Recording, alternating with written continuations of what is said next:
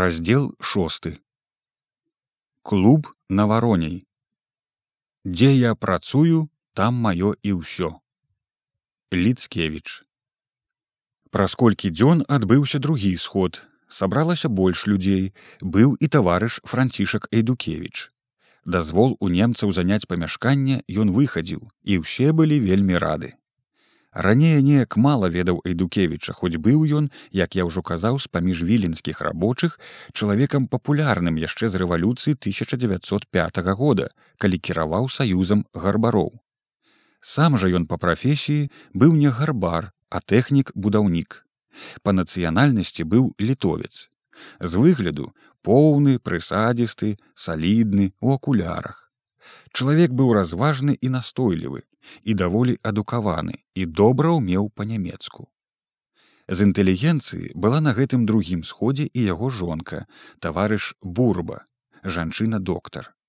Яна потым шмат паклала працы на арганізацыю рабочага клуба на вароней.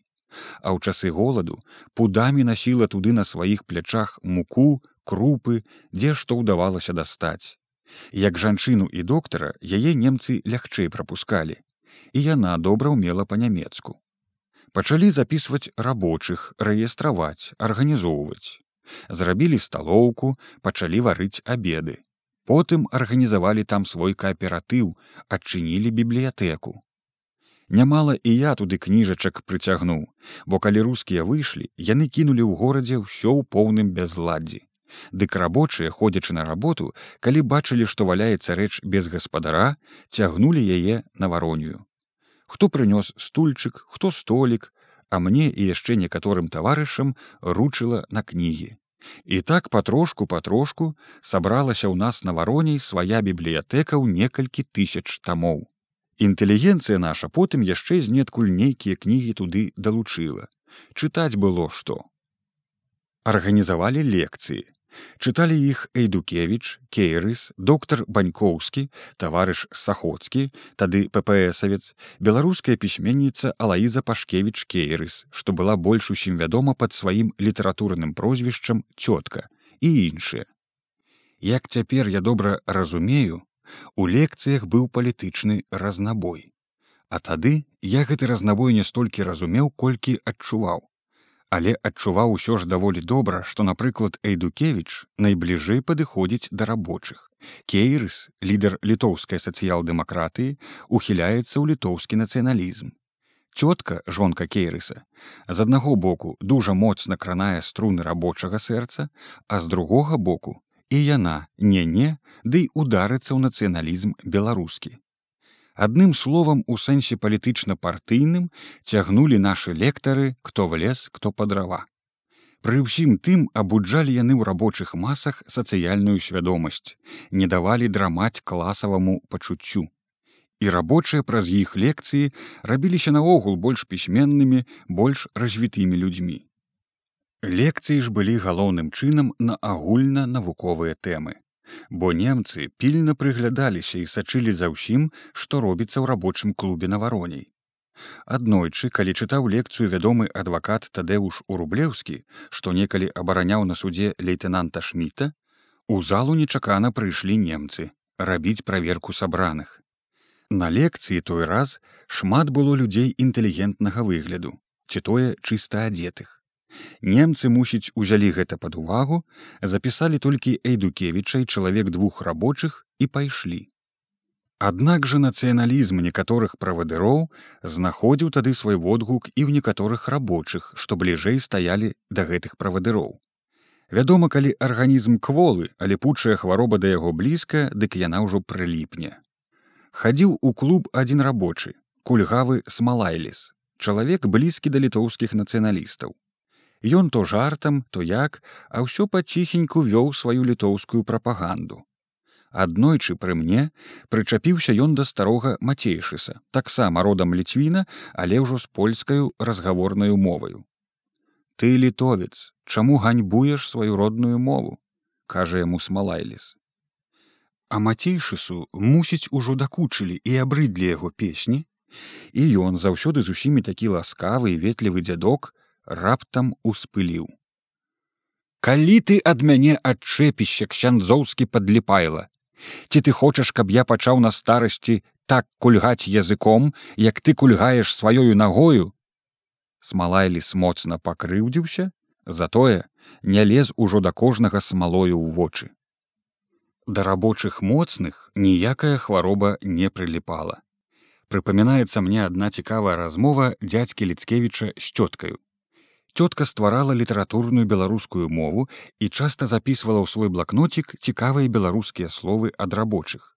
Ліцкевич ведае беларускую народную гутарку дасканала і вось часам ён наўмысле скажа хочаш цётка скажу табе адно цікавае беларускае слово толькі што ўспомніў. Ну ну скажы браточак і рада зараз дастае блакнот. Ён і пачне ёй баяць кшталтам таго Вось бачыш як праводзілі шосу з пецярбургу на варшаву дык быў я тады ў адной вёсцы дзісненскага павета каля мястэчка глыбокага. Быў там тады камацёсам. Камацёсам! Радуецца цётка і записывае прымаўляючы. Добрае слово добрае слово гэта там так кажуць. Ды не, я табе зусім не гэтае слово хацеў сказаць. Камацёс кажуць і ў нас у вільні. Я бачыш не толькі шавец, я і крыжы магу абрабляць, плінтусы надмагільныя і ўсе словы ведаю шавецкія і камацёскія.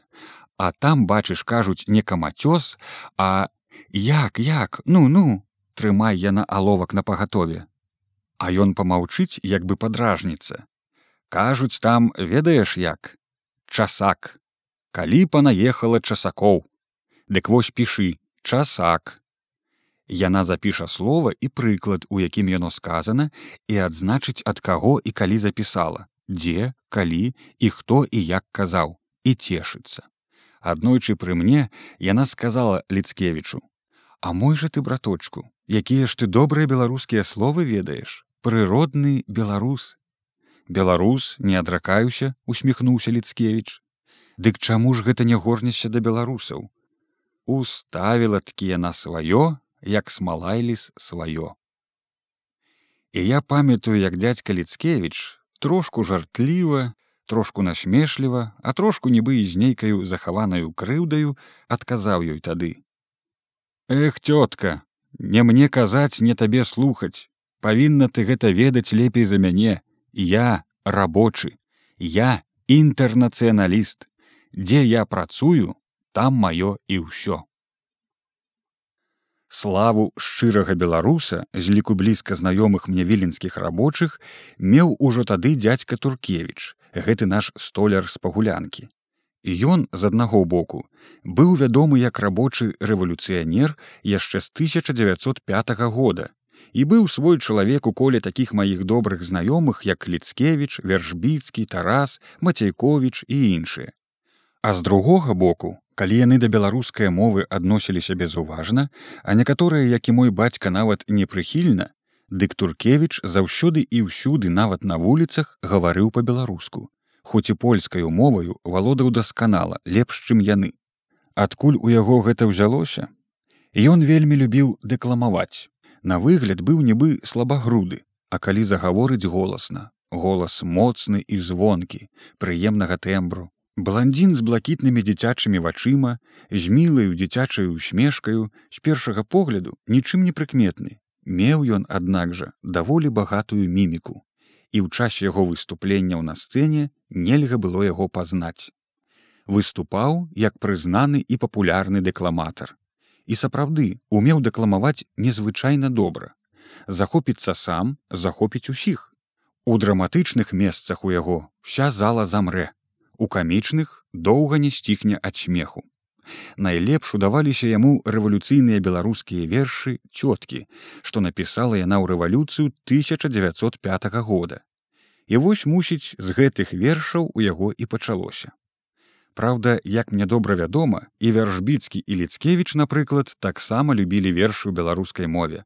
А марцінкевіцкага гапона умелі яны абодва усяго на памяць Наўчыліся казаў ліцкевіч яшчэ быўшы чаляднікамі па спіску ад рукі а да туркевіча прыліпла і адгукнулася потым на ім па рускай прыказцы кагаток увяз всей птичке прапасць. Але не буду забягаць наперад. Там жа на вароней, прынамсі да канца 1915 года, пакуль я быў у вільні даволі часта адбываліся сямейныя рабочыя вечарынкі. Быў у нас свой драм-гурток, хор, аркестр. Часам ставілі якую колечы добрую падхадзячую п'еску, а часцей пяялі песні, ігралі на музыкальных інструментах, дэкламавалі, стараліся скончыць усё раней і разыходзіліся. На сцэне тады разам з маладзейшымі выступалі і старыя аматары. Вяршбіцкі, Юхневіч, Туркевіч. Хорам кіравала пані Гаўронская. Хор быў надта добры і выключна з рабочых. Пяялі рабочыя песні, колькі можна рэвалюцыйныя, і народныя польскія, літоўскія, беларускія, яўрэйскія. Я быў у тэнарах. Бывалі і танцы. Эх, Як добра адтанцоўваў там тады мазура малады кравец вячаслаў кобак. Кобакаў было трох братоў, мечык, стасік і ён вячаслаў. Усе пайшлі ў рэвалюцыю. Вячаславу было тады гадоў 18-20.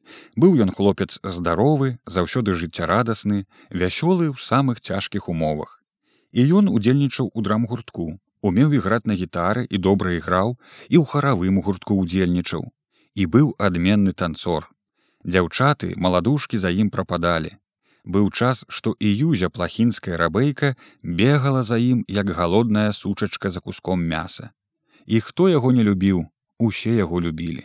А ў забавах ды ў вяселлі не адходзіў ён і ад сур'ёзныя палітычныя работы, хоць і быў яшчэ вельмі малады. Ён арганізаваў у нас саюз краўцоў, і наогул за ўвесь час нямецкай акупацыі быў самым актыўным працаўніком у віленскіх прафсаюзных арганізацыях і выдатным актывістам у клубе на вароней